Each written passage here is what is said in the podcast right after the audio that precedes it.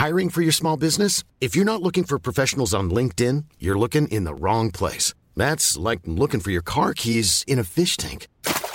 LinkedIn helps you hire professionals you can't find anywhere else, even those who aren't actively searching for a new job but might be open to the perfect role. In a given month, over 70% of LinkedIn users don't even visit other leading job sites. So start looking in the right place. With LinkedIn, you can hire professionals like a professional. Post your free job on linkedin.com slash people today.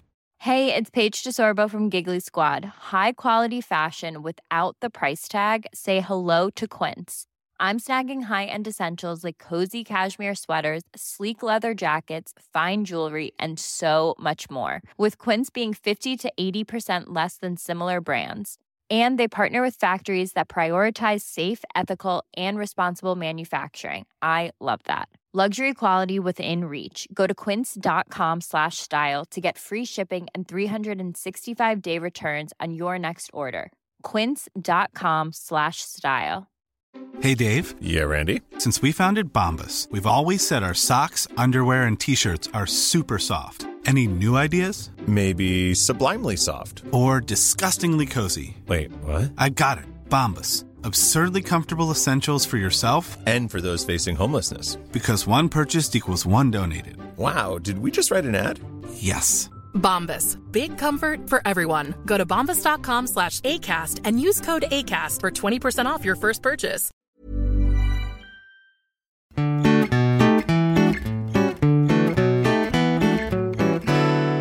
Hej och välkommen till Mord i mina tankar, en true crime podcast som görs av Amanda Nilsson och Jessica Thyselius. bra artikulerat. Mm, tack. Varsågod. Vad ser du så finurlig ut för? Nej, jag är bara här. Ja, trevligt. Själv, själv då? Ja, nej, jag är hemma i värmen. Ja, fy fan, det är så jävla varmt alltså. Ja, i 27 i skrivande stund. I skuggan. Ja. Här inne kanske 33. Nej. Ja, men det är varmt alltså. ja, det skulle kunna varit svalare. Nej, men hur tycker du det ser ut här då? Vi är hemma hos dig. Ska du, ska du stä- sä- sätta mig på- pottväggen så pottväggen. Nej.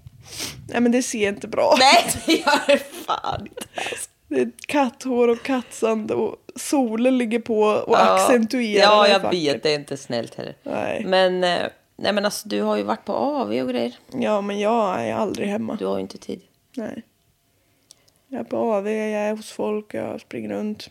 Ja, Jag blir utbränd på min fritid. jag vet. Ja. Men det är ju så jag håller på. Jag, jag har ju ingen balans mellan arbete och fritid. Jag har för mycket fritid. Ja, det kan man tro. För du har ju också gjort en så origami-fjäril.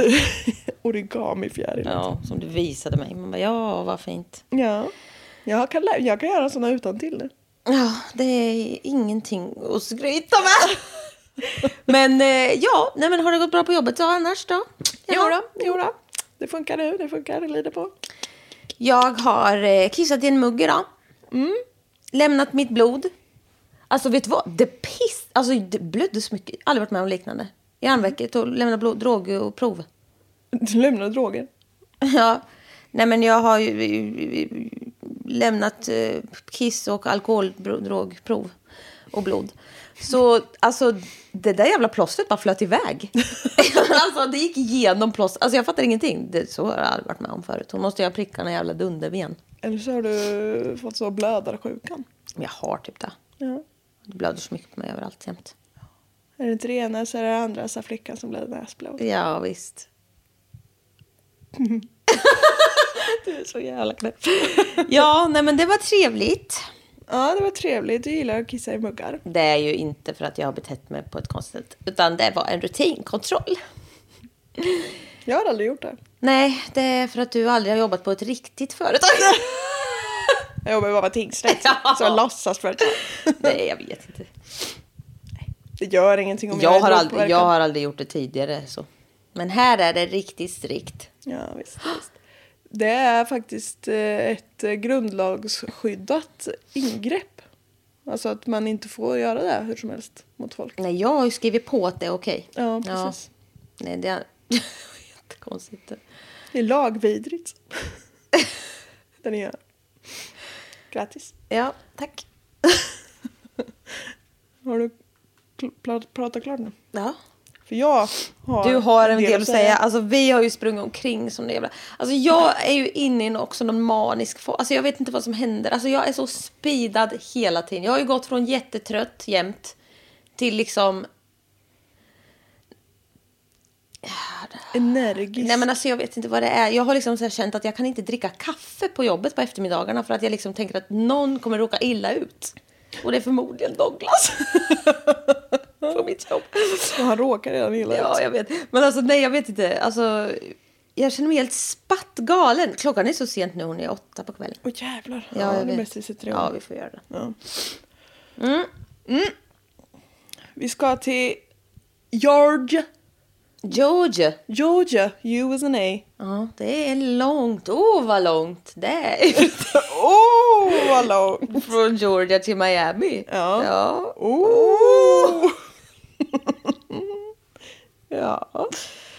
I, eh, det ligger ju i USA för er som inte visste det. Och det är maj 1973 i en by som heter något dumt som Donaldsonville. Donaldsonville. Ja. Byn är döpt efter John Ernest Donaldson som byggde byns första sågverk. Vilket ledde till tillväxt på orten. Donaldsonville. Ja, nej, det är dumt. Ja, det är faktiskt Det är dumt. rent så. Ja.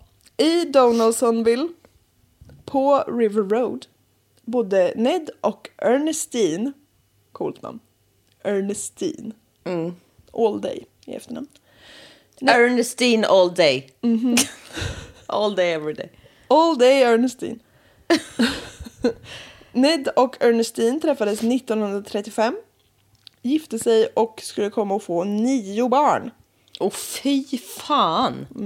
Det är Georgia, vet du. Det är Southern States. Jag ploppade barn. Nej, det är äckligt. Och tänk, nej. Så många, usch, usch. Det är många barn Det är, usch, hur står det T? med underlivshälsa. ja. De hade kämpat och slitit och sparat. ja, det tror fan för att få ut alla de där. Ja. Eller ja, de sista kanske inte. De gick raklångat. Nej, men nu. Nu får vi sluta. De sista fem. Nej. De hade slitit och sparat hela livet, eller lång tid, för att kunna köpa gården som de bodde på nu på River Road. Under årens lopp så kunde de köpa till mer och mer mark och nu 1973 så var gården uppe i över 200 hektar mark. Det är en stor gård. Och de hade både odling och eh, djurhållning. 1973 då, som vi är på, då var Ned 62 år. Och han, Ernestine och deras två yngsta barn, Jimmy och Faye, bodde i det stora gårdshuset liksom på gården. Sonen Jerry, som var 35, som var gift med Mary. Mm, nej, inte Jerry och Mary. Jo då. Fy fan, alltså då får man ju hitta någon annan. Det måste ju passa någorlunda. De bodde tillsammans eh, i ett så trailer home några kilometer ifrån det här gårdshuset. Och så jag har sett bilder, när man tänker trailer home så tänker man lite trashigt men det här var ju liksom ett lite enklare hus. Det var ju liksom inte en husvagn utan det var liksom ändå ett hus men det hade liksom kanske inte en så gjuten grund. Men det såg liksom ut som ett riktigt hus typ. Och eh, sen har de sonen Charles som kallades för Sugi. Sugi. Han var 32 år och var gift med Barbara. Och eh, de bodde också i ett sånt här trailerhome på den här gården. Och eh, deras eh, trailer låg precis intill det här gårdshuset. Så de bodde lite närmare. Både Jerry och Suji och Jimmy då, som var de här sönerna som bodde på gården, hjälpte till med arbetet. Och Neds bror Aub Aubrey. Min southern accent. Aubrey. Aubrey. Aubrey kom och hjälpte till med arbetet på gården. Så på den här gården vistas då dagligen Ned, Ernestine, Jimmy, Faye, Jerry, Mary, Barbara, Suji och Aubrey. Det är alltså nio personer. Så det jag vill att ni tar med er från det här stycket är att det är väldigt mycket folk som springer Ja. omkring här. Ja. Mm. Den 14 maj 1973 så började som vilken dag som helst. Frukost inmundigades. Sen begav sig Ned, Jimmy, Jerry, Sugi och Aubrey ut på gården för att arbeta. Under tiden så förberedde Ernestine för lunchen och liksom skötte om hushållssysslorna. Vid tolv så kom de med männen hem och så bad de lite bordsbön. Och så åt de lunch tillsammans och pratade om arbetet på gården. Ned och Jerry höll på att plöja ett fält men det gick lite långsammare än vanligt eftersom det var väldigt blött i marken. Till skillnad från här och nu. Jimmy skulle plöja färdigt ett litet fält som han höll på med och sen skulle han börja plöja ett eh, fält bakom Jerrys trailer. Det här skriver du upp nu. Ja, ja. ja. Suji och Aubrey hade lånat lite grejer från en granne så de skulle kunna ta sig an ett lite större fält som låg till väster på ägorna. Ja. Ja. Vid 13.00 så var lunchrasten slut och de här männen gav sig ut igen och Ernestine fick eh, röja undan efter lunchen. Precis som vilken dag som helst. Eh, nio dagar tidigare, den 5 maj 1973, så rymmer tre frång- fångar ifrån lågsäkerhetsfängelset Poplar Hill Correctional Institute utanför Baltimore i Maryland.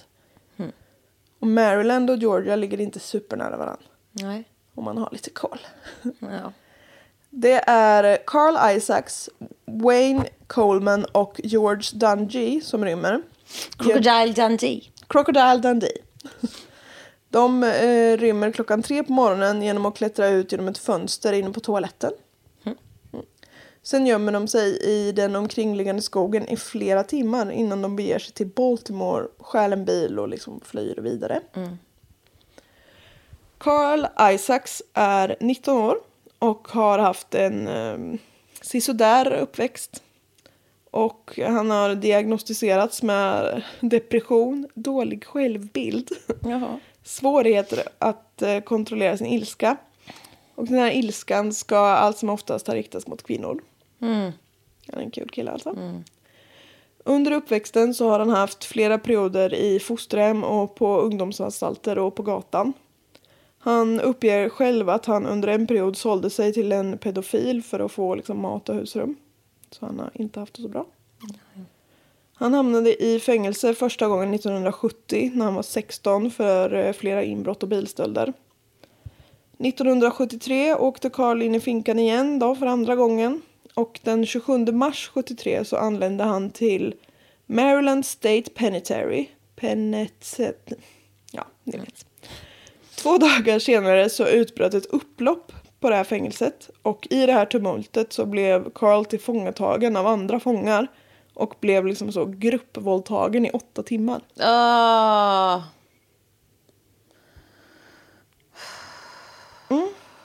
Det, han har inte haft så kul i livet. Efter det så flyttas han runt lite innan han hamnar på den här Poplar Hill Correctional Institute som är det fängelset som de rymmer ifrån som jag nämnde tidigare. På det här Poplar Hill Correctional Institute varför har jag skrivit ut hela namnet hela tiden?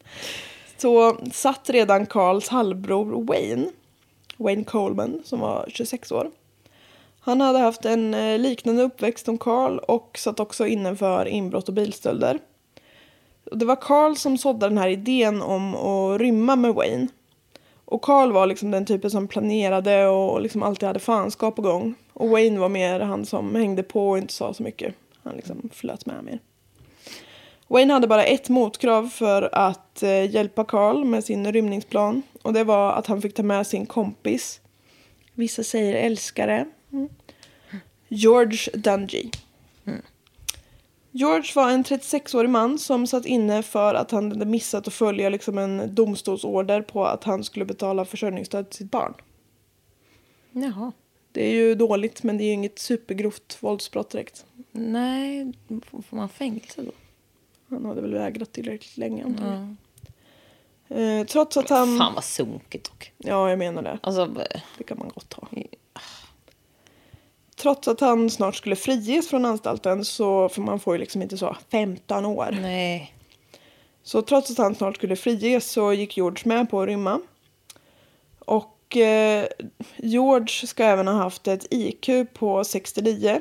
Och det säger ju Oj. inte allt om en människa. Men Men det... säger en del. Säger ändå en del. Och jag tänker att man kan tänka på det här. för- det säger en del om maktbalanserna Ja, kanske i den här precis. konstellationen. Konstellationen. Konstellation. Ja. Konstellationen. Ja. Eh, Den 5 maj 1973 som sagt så skrev de till verket. Carl hade på något sätt lyckats få hjälp av en vakt så att de liksom alla tre kunde vara det på toan samtidigt. Och eh, så tog de sig ut genom det här, det här fönstret och ut i friheten. Efter att de hade snott den här bilen i Baltimore så blir de kvar i Baltimore i två dagar utan att liksom göra något märkvärdigt mer än att så lite små inbrott. Carl bestämmer då att de ska hämta upp hans lillebror Billy som är 15 år. Billy tyckte liksom att Carl var supercool så han tyckte att det var jättehäftigt att få följa med liksom sin storebrorsa och hans kompisar. Han var 15 år. Ja. Målet var att det här gänget skulle ta sig antingen till Kalifornien. Kalifornien? Heter det, säger man, det heter så på svenska? Kalifornien, ja. Ja, Kalifornien. Eller Mexiko. Och där leva liksom livets glada dagar med alkohol, droger och brott. Wow. Ja, visst. Men för att ta sig dit så behöver de ju pengar. Och i ungefär en, å- en vecka så åker de runt i Maryland och vidare till Pennsylvania. Det är alltså stater. Och begick diverse småbrott, inbrott och lyckades skaffa lite pengar, några vapen och kläder. För det är också så bra att när fångar är på rymmen i USA så kan de få tag i vapen. Bara Ja, genom att knalla in hos folk. Det är jättebra. Det är jättebra. Den 10 maj så hade gänget nått McCullensburg i Pennsylvania.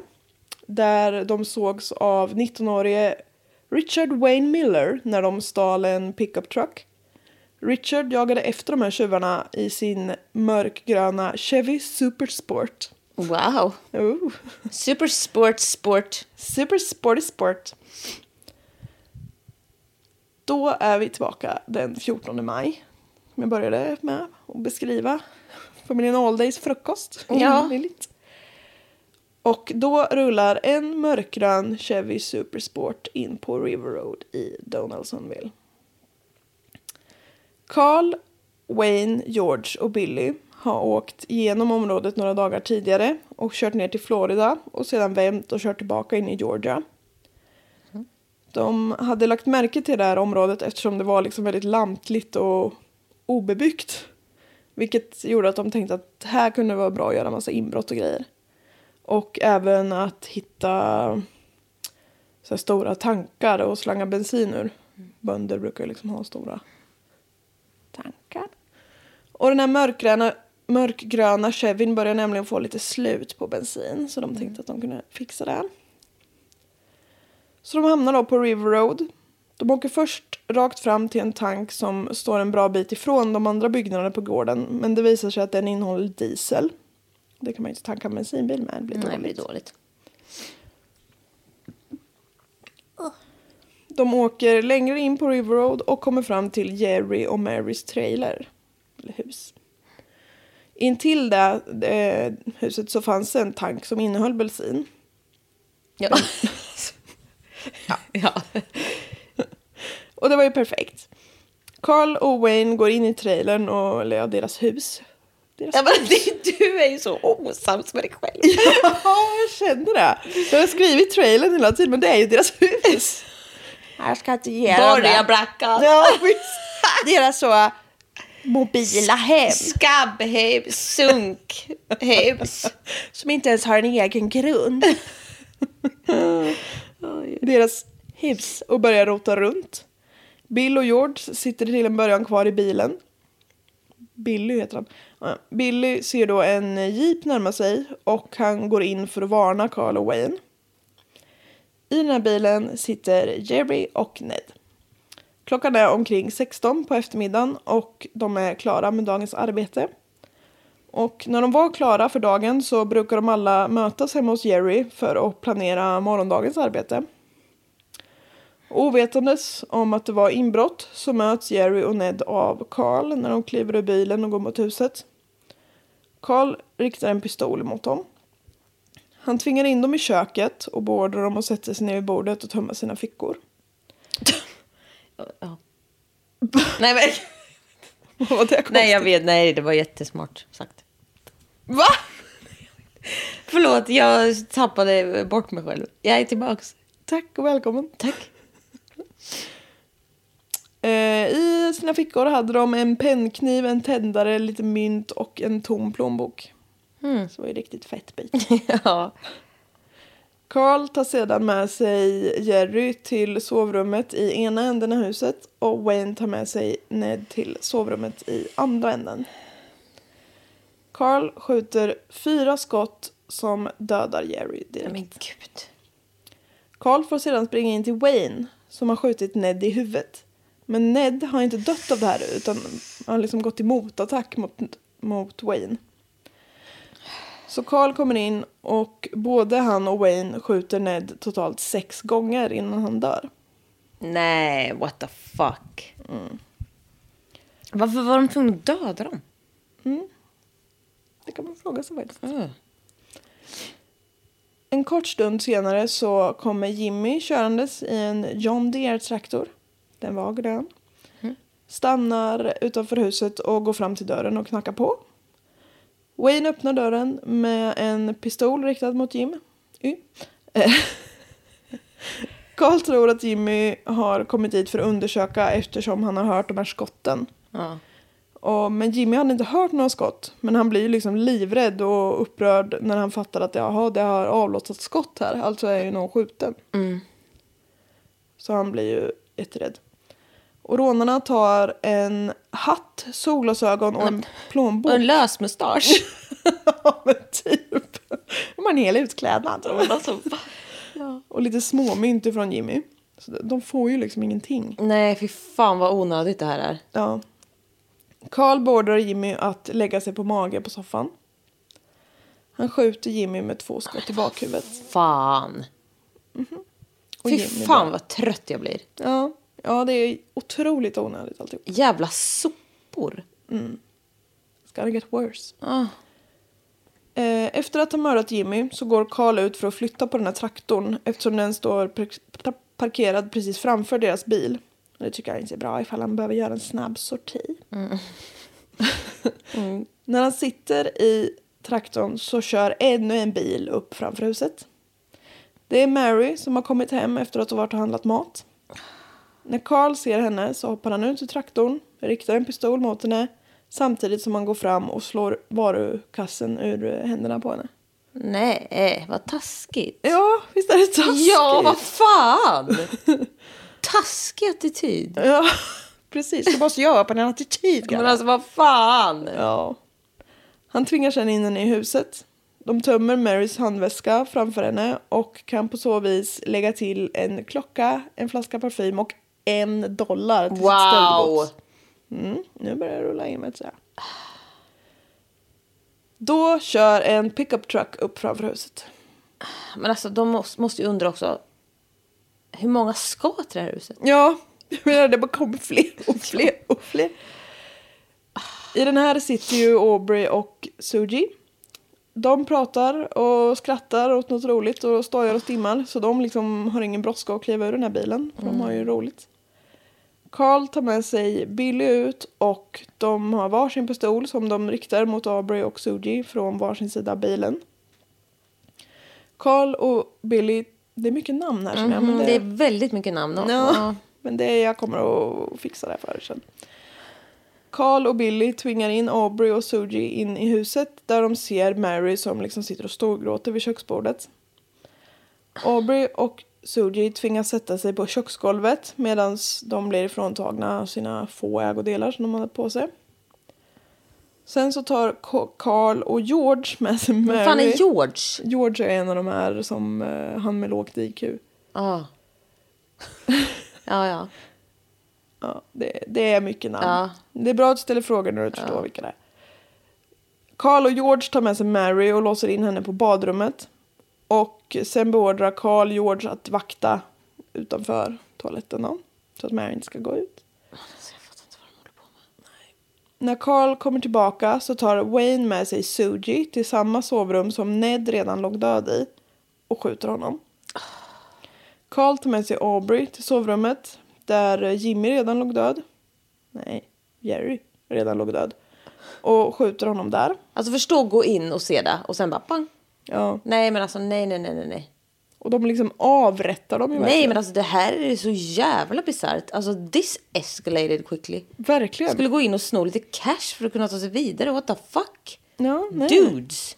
Dudes. Både Suji och Aubrey dör direkt. Då, när allt det här är gjort, så tar de ut Mary ur badrummet. Hon blir sedan våldtagen Nej. av Carl och Wayne. Förlåt. Förlåt. In... Sk- Skulle, Skulle. skulle de spara henne lite där inne? Japp. För hon var lite snygg eller? Hon är bara 25. Och värsta snäckan. Nej men, Fy.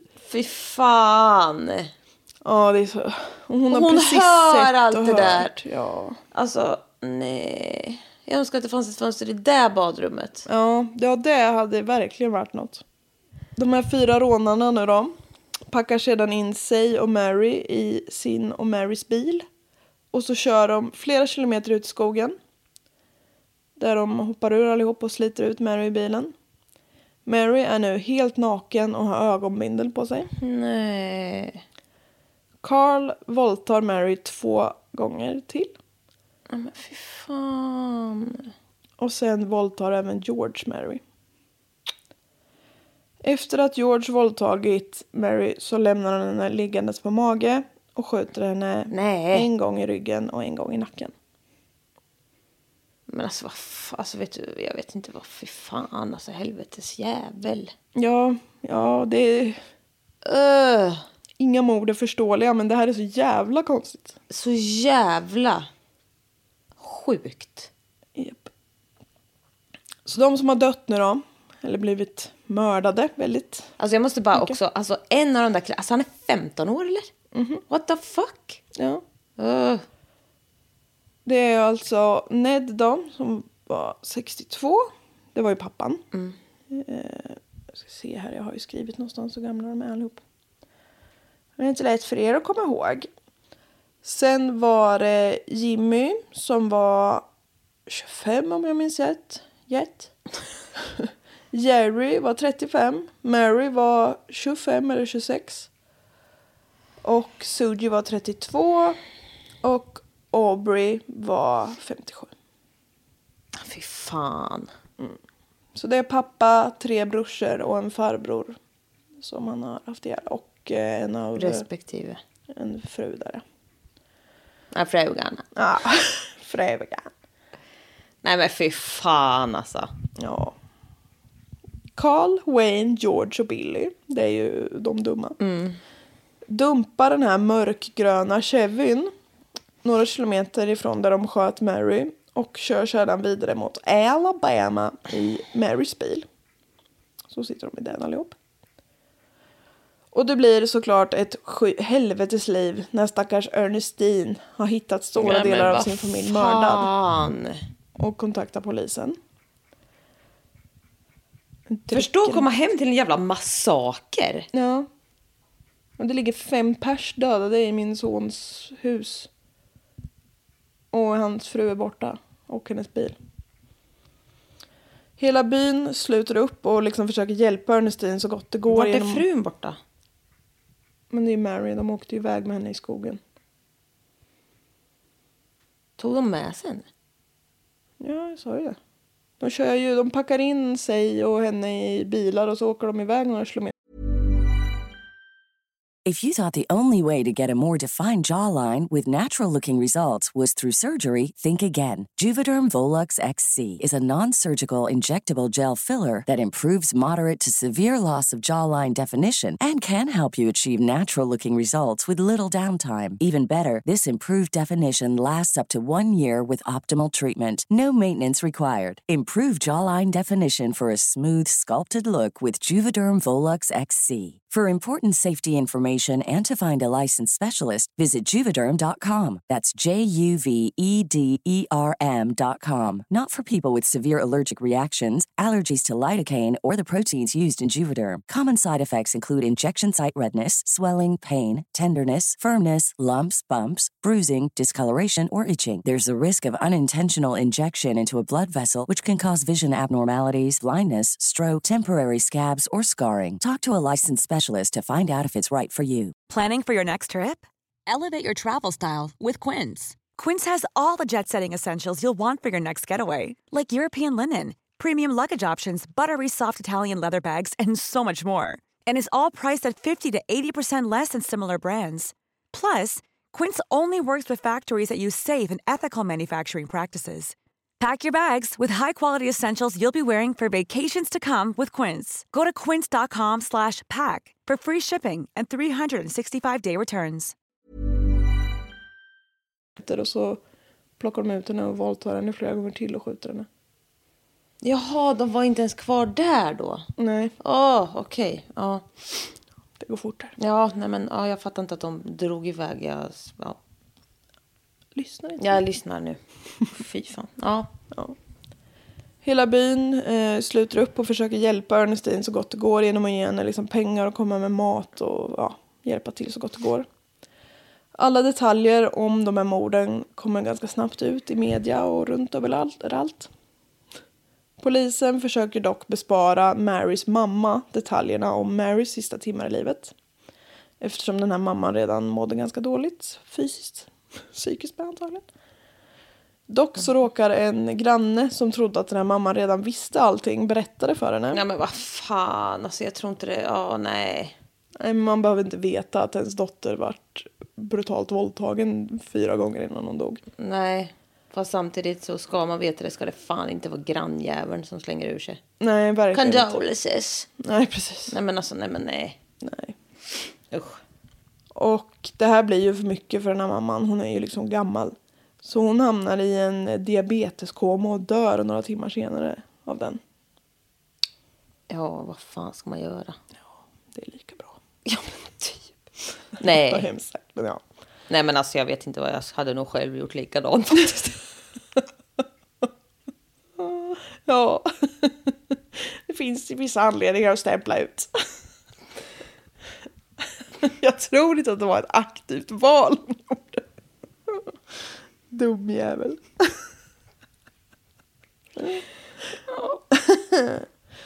Den 17 maj, alltså tre dagar efter morden, så begravs Ned, Jimmy, Jerry, Sugie, Mary och Aubrey. nej men gud. Ja, de är så många. Sn- Ja.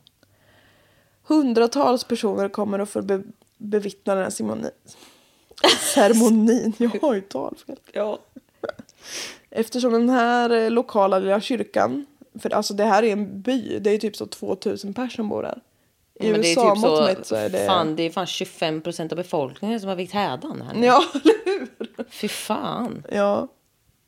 Men ja, det var ju en liten by så den lokala kyrkan var för liten för att kunna hantera sex fullstora kistor. Det var så hemskt. Så man fick ha liksom den här ceremonin ute på kyrkogården. Men det, liksom, det gjorde ingenting för det var fint väder och så fick alla som ville liksom kunna visa sin respekt och komma och se liksom. För de hade inte heller fått plats i kyrkan. Den 17 maj lyckas man även gripa George. Den här kvartetten av idioter har av någon anledning splittrats. Så till en början så är det bara George som man får tag i. Han erkänner ganska snabbt och berättar om vad de gjorde i, den här, i det här huset och med Mary. Några dagar senare så får de även tag i Wayne. Och han berättar en ganska liknande story som George. Men han överdriver sin egen roll väldigt mycket. Och säger att liksom, det var jag som sköt alla och det gjorde Nej men jag så bra. gud vad töntig. Ja, han är skittöntig. Sen får de tag i Billy som berättar nästan exakt samma som George. Och så alla liksom erkänner i princip när de blir gripna. Utom Carl. För när polisen frågar om den 14 maj så säger han It was a pretty mayday. Jävla sopspån. Det var en vacker dag. Och där. It was mayhem. Ja, verkligen. Eh, Efter att polisen har hittat den här Richard Wayne Millers mörkgröna Chevy i närheten av där Mary hittades så hör man av sig till polisstationen i McCullensburg i Pennsylvania där det visar sig att Richard är anmäld försvunnen sedan den 10 maj då hans bil också blev stulen. Kommer du ihåg att jag berättade om att de, de stal ju en bil och då blev de förföljda av en kille som skulle stoppa dem liksom. Ja. Ja. Det är ju hans bil sen de kört omkring med. Ah. Och nu har polisen hittat hans bil och bara hör Men av sig till... honom, mm. Precis. Och då är han anmäld försvunnen, den här Richard. Han är 19 år, Richard. Nej men. Ja, ja. Polisen pratar med Wayne som säger att ja, ja, jag vet exakt vart han är. Jag kan hjälpa er att hitta honom. Och det var jag som sköt honom och han sa quote I didn't want the others to have all the fun. Alltså, alltså, alltså vad fan alltså. Ja. Jävla sopäckel. Man kör över Wayne till McCullen. Lika bra. De har ju ändå dödsstraff i Georgia. Man kör över Wayne. Man kör Wayne. till McCullensburg. Och tanken var ju att polisen skulle leda honom till Richard. Men efter tre dagar så ger man upp. För Wayne är liksom pass, piss, pass, kass. så jävla kass är han. Ja. Så han, han, liksom har ingen, han minns ju ingenting. Han är sämst. Ja, han går ju bara runt och irrar runt. Men då till polisens förvåning så säger Carl, då får han ljud i skällan och säger att ja, jag vet vart han är. Jag kan hjälpa er. Alltså de är så jävla irriterande. Svinstöriga är de. De kör över även Carl till McCollensburg. Och till skillnad från Wayne så minns han liksom exakt vart de har åkt. Han minns när de började jagas av Richard. Och han vet vart de har stannat och kidnappat honom. Carl kan sedan ge en detaljerad beskrivning av vart de kan hitta Richard. Men han vill inte själv följa med till den här platsen för det tyckte han var jobbigt. Jag vet, Du har inte rätt att tycka det. Nej, jag menar det med. Käft. Ja. Du kan gott se vad det är du har gjort. Ja. Polisen hittar Richard på den här platsen som Carl har beskrivit. Han ligger på mage med ansiktet ner i marken på en liksom trash dump. Det är liksom ingen soptipp utan det är liksom bara ett ställe i skogen där folk kastar sitt skräp. Ja. Hans händer var bakbundna och han hade tvingats ner på knä innan han blev skjuten i bakhuvudet. Alltså det är så jävla avrättningar som sagt var. Ja, och de är så grymt onödiga. Nej men allt är så jävla onödigt. Ja. De hade bara kunnat tagit hans bil och åkt. Jag menar, alltså, de hade ju bara kunnat gjort allt utan att någon hade behövt dö. Ja. Eftersom de dessutom åkte dit så tre dagar senare. Ja, och de fick to- en dollar och en sminkväska. Ja. Jävla sopor. Det var det värt. Nu har alltså polisen fångat allihopa och de har alla offer här. Billy gör en eh, plea deal där han i utbyte mot att han vittnar mot de andra. För han liksom är ju den, han har ju inte skjutit någon. Är Billy den yngre? Ja, det var han som bara var 15. Så både, man har ju dödsstraff i Georgia, ska sägas. Så, men han var bara 15 så han fick inte Nej. dömas dödsstraff ändå. Nej. Så då tänker de blodtörstiga jänkarna att ja, då kan vi göra play deal med honom då för vi får ändå inte avrätta honom. Allt kul är redan borta. Alltså, det är så jävla äckligt. Så om han liksom vittnar mot de andra tre, vilket han går med på, så döms han till 40 års fängelse för inbrott, bilstöld. För inbrotten och bilstölderna. 40 år! Ja. Han är 15! Ja. Men då kan han också säga eligible for parole efter 10 eller något sånt. Vad fan, 40 år? ja, men det är ju jävligt sjukt. Ja, men det är en sydstat vet du, de tycker om att ta i. Ja. Den 31 december 1973, alltså samma år men på nyårsafton. Ja, ja. Så inleds rättegången emot Carl. Billy, vitt, Billy, Billy vittnar och säger utöver det vi redan vet om att innan Carl sköt Jerry, som var den här första brorsan som kom in i huset, så frågade Carl om Jerry hade någon fru. Och Jerry hade då svarat att han har en fru men att hon ändå inte har några pengar så det var ingen mening att de väntar på henne. Och i samma stund som han hade sagt det och såg Carls min så insåg Jerry att han hade gjort väldigt fel och säga att han hade en fru. Fy fan vad vidrigt. Fy fan vad vidrigt. Riktigt vidrigt. Jerry liksom bönade och bad om att de inte skulle skada Mary och sen sköt de honom. Billy berättar att den enda anledningen till att de inte lämnade deras hus direkt efter att de hade dödat Jerry och Ned var för att Carl ville vänta på Mary. Fy fan vad vidrigt. Ja, ja det är riktigt, riktigt äckligt. Det var liksom hon som var Åh, målet eller vad man ska säga. fy fan alltså nej men fy fan vad äckligt. Alltså det här är fan vad, åh. Den 5 januari 1974. Det är alltså någon par dagar Precis senare. efter ja. Eh, Efter lite mer än en timmes överläggning så fann juryn Carl skyldig till six counts of murder, rape, kidnapping, armed robbery och theft. Och den 7 januari fastställs hans straff till döden. Nio dagar senare påbörjas George rättegång. Även han, George var ju han med 69 i IQ. Precis. Även han döms på alla punkter efter 40, 58 timmars överläggning. Även han till döden.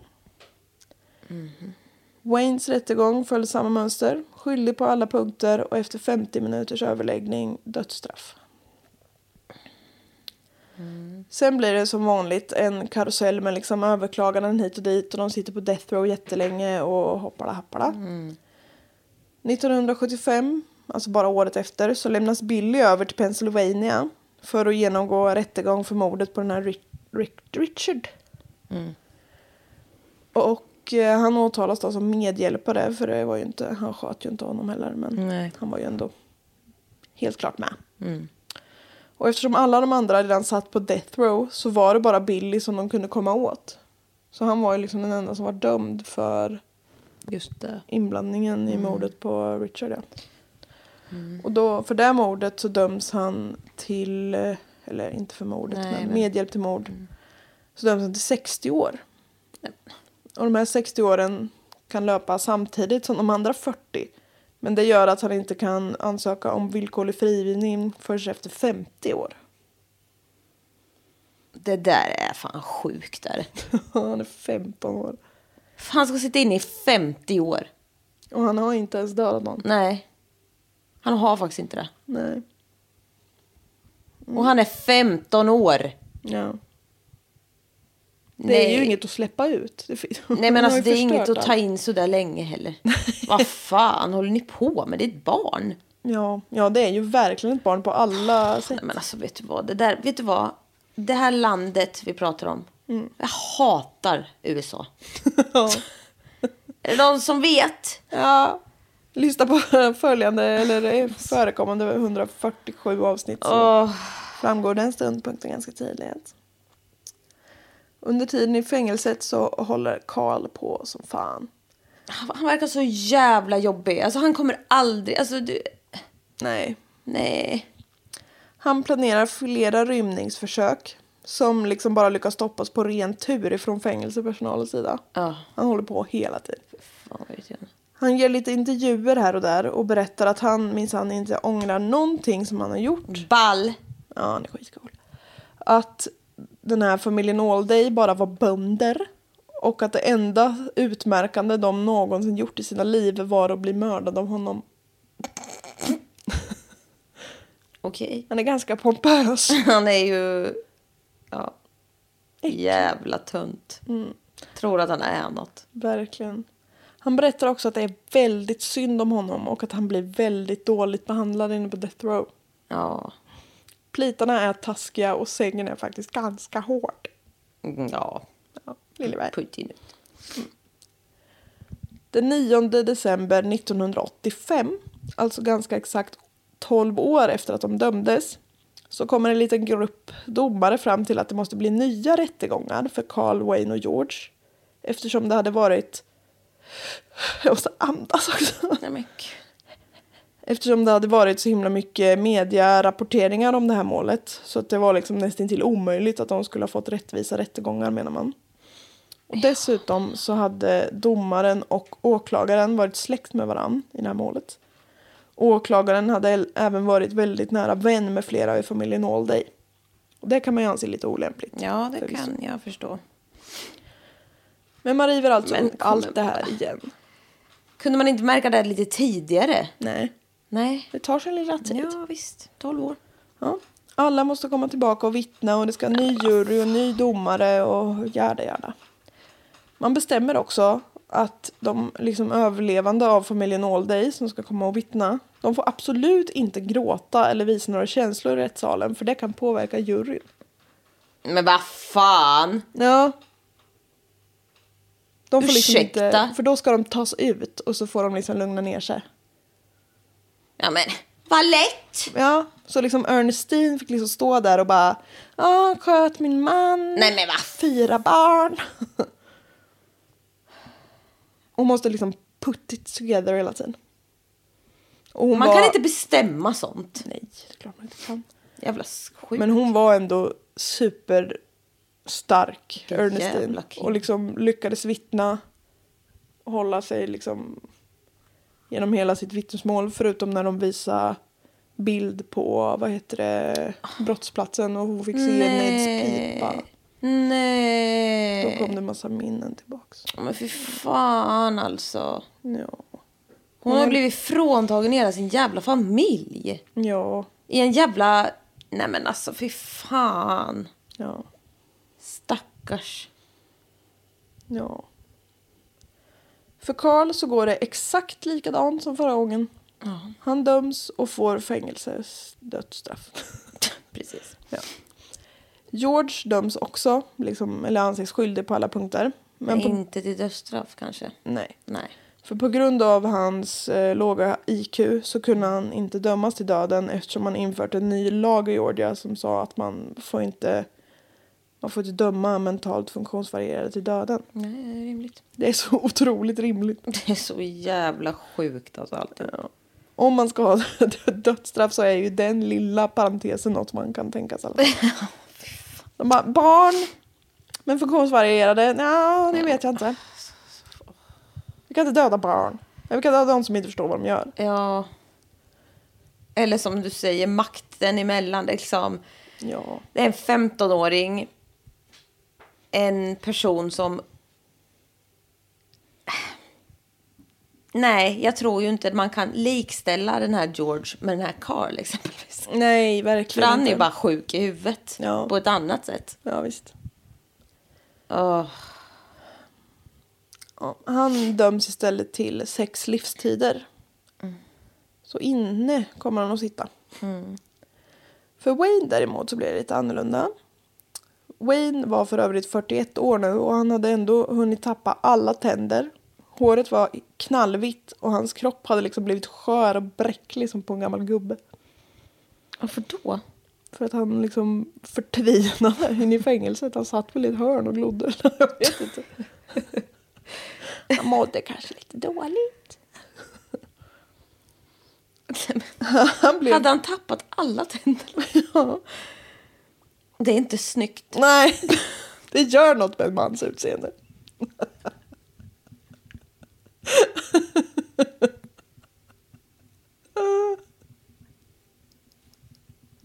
Vi, kan, vi är inte på rätt humör för det. Nej men alltså vad fan, tänk om man vaknar upp en dag. Helt jävla förtvinad utan tänder. Jag tror inte det var en så över dagen process.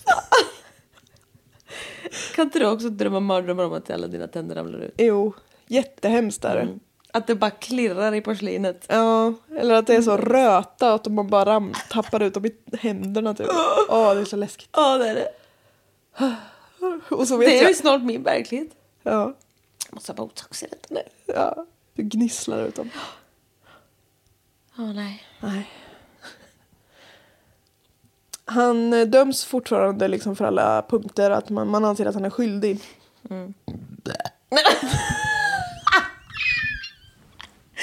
Det tycker inte jag ta bort. Jo! Eh, Han döms fortfarande på alla punkter men juryn blev deadlocked. När de såg honom. Kan Nej, nej. Vad fan är det där? Det är ju en visse gräshoppa. Nej, men när det kom till frågan om dödsstraffet. En kvinna... De skulle ju kunna göra sånt där på honom. Skulle det vara. Stack. En lätt vindpust fäller, fäller honom. En kvinna i den här juryn var emot dödsstraff och satte sig därför på tvären. Och för att hon liksom ska kunna döma... Ja, då måste ju alla vara med på det. Precis. Och det innebar att Wayne fick livstid. Och eftersom han redan hade suttit i 15 år Eftersom han redan var halvdöd. så hade han bara halva kvar. ja. Eftersom han redan hade suttit i 15 år så kunde han därmed ansöka om villkorlig frigivning om 15 år till. Men han kommer inte leva i 15 år till. Nej, ser ja. sådär kackig. Fan. det. Vad för tuff för ålder. Livet är för tufft. Det här gör ju Billy lite sur eftersom det teoretiskt sett kan betyda att Wayne, som var liksom betydligt mer inblandad i de här brotten, kan komma ut tio år tidigare än Billy. Ja, det tycker jag Billy ska vara jävligt brask about. Brask about. Brysk. Nej, jag vet inte vad jag säger, men lite spak. Nej, lite sned. Lite sned över det. Ja, det kan jag hålla med om. Han liksom gjorde en plea deal. Och fick fan fart. Ja, visst.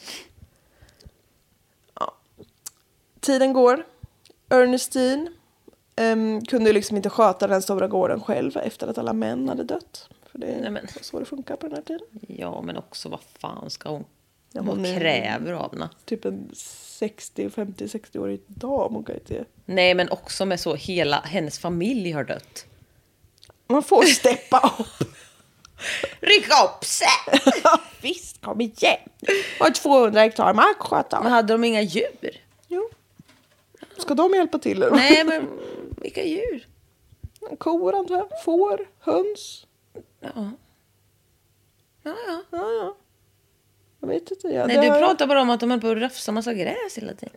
Jaha, det var i maj. Man gör det där som bonde i Ja. maj. Ja. Dessutom så ägde inte hon längre någon av de här, den här marken. För att innan Ned dog så hade han testamenterat allt till Jimmy, Jerry och Suji. Det var ju liksom deras barn. Men eftersom alla de tre dog typ precis efter honom så gick arvet vidare till Mary som då var Jerrys fru.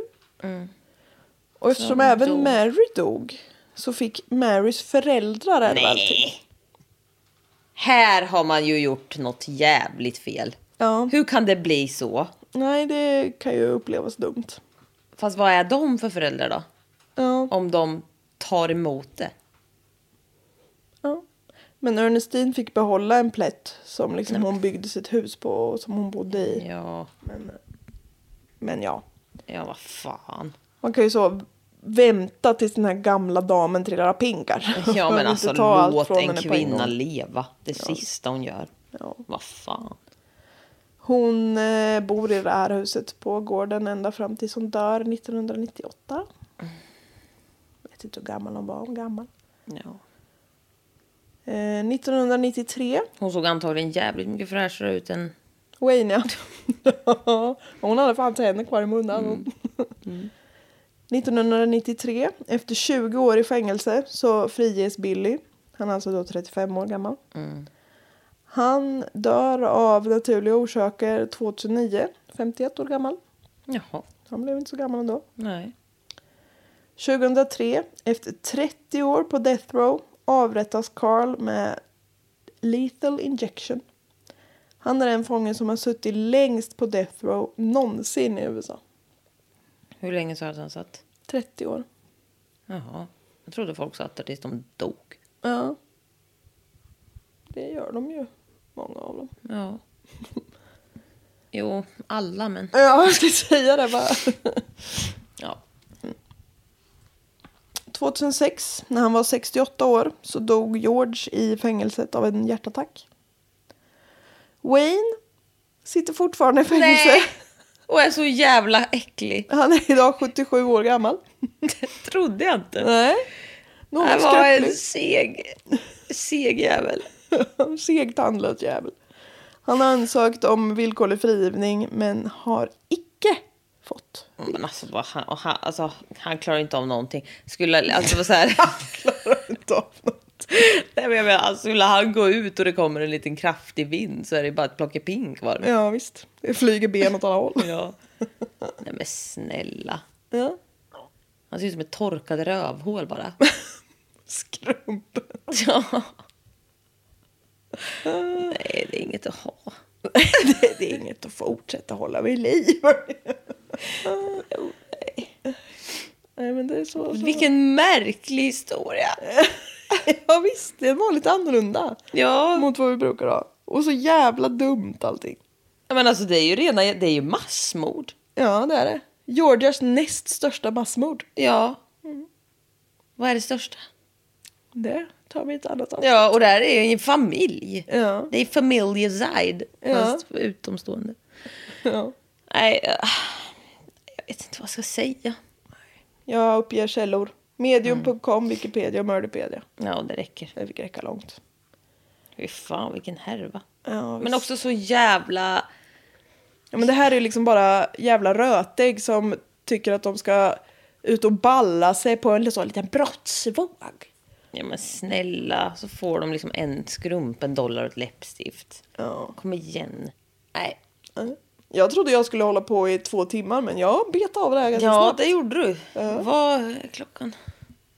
54. Ja, det är bra jobbat. Det här är så läggdags för mig nu. Jag måste åka hem. Ja. ja, jag kommer somna sittandes. Vi måste också duscha. Ja, Fy fan. har lökat som fan. överallt känner jag. Men eh, tack för att ni lyssnar. Sprid gärna vår podd. Dela på era Insta-stories och sånt och i flödet. Allting. Det är bra för oss. Ja, och så får ni jättegärna bli. Patreons. Vi heter Mord i mina tankar, det vet ni. För ni lyssnar ju nu. Mm. Eh, Det finns en Facebookgrupp också just det. som folk har startat som heter Mord i mina tankar eftersnacket. Japp. Där kan man säkert gå in och Veva. veva friskt. Eh, det finns... Än finns det hopp. Visst gör det där. Men det här är ju kanske, kommer jag på, näst sista avsnittet bra. innan vi tar för vi eh, kommer ta oss semester. friheten att ta semester. För vi är ju så jävla utbrända nu. Ja, fy fan vad vi har hållit på. Det här är fan Nej, tre års tid. Nej, men alltså, folk får ju spärra in de här jävla galningarna.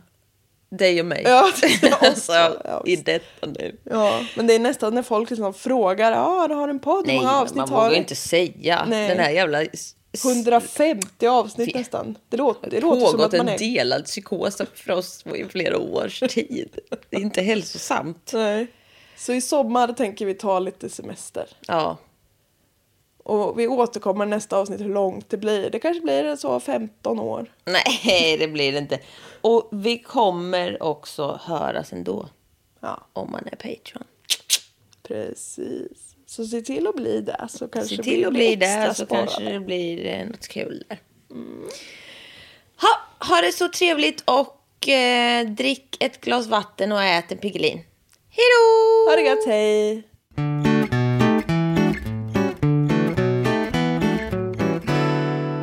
Drick rosé också. Åh, Ja, vad gott. Even when we're on a budget, we still deserve nice things. Quince is a place to scoop up stunning high-end goods for 50 to 80% less than similar brands. They have buttery soft cashmere sweaters starting at $50, luxurious Italian leather bags, and so much more. Plus, Quince only works with factories that use safe, ethical, and responsible manufacturing. Get the high-end goods you'll love without the high price tag with Quince. Go to quince.com/style for free shipping and 365-day returns.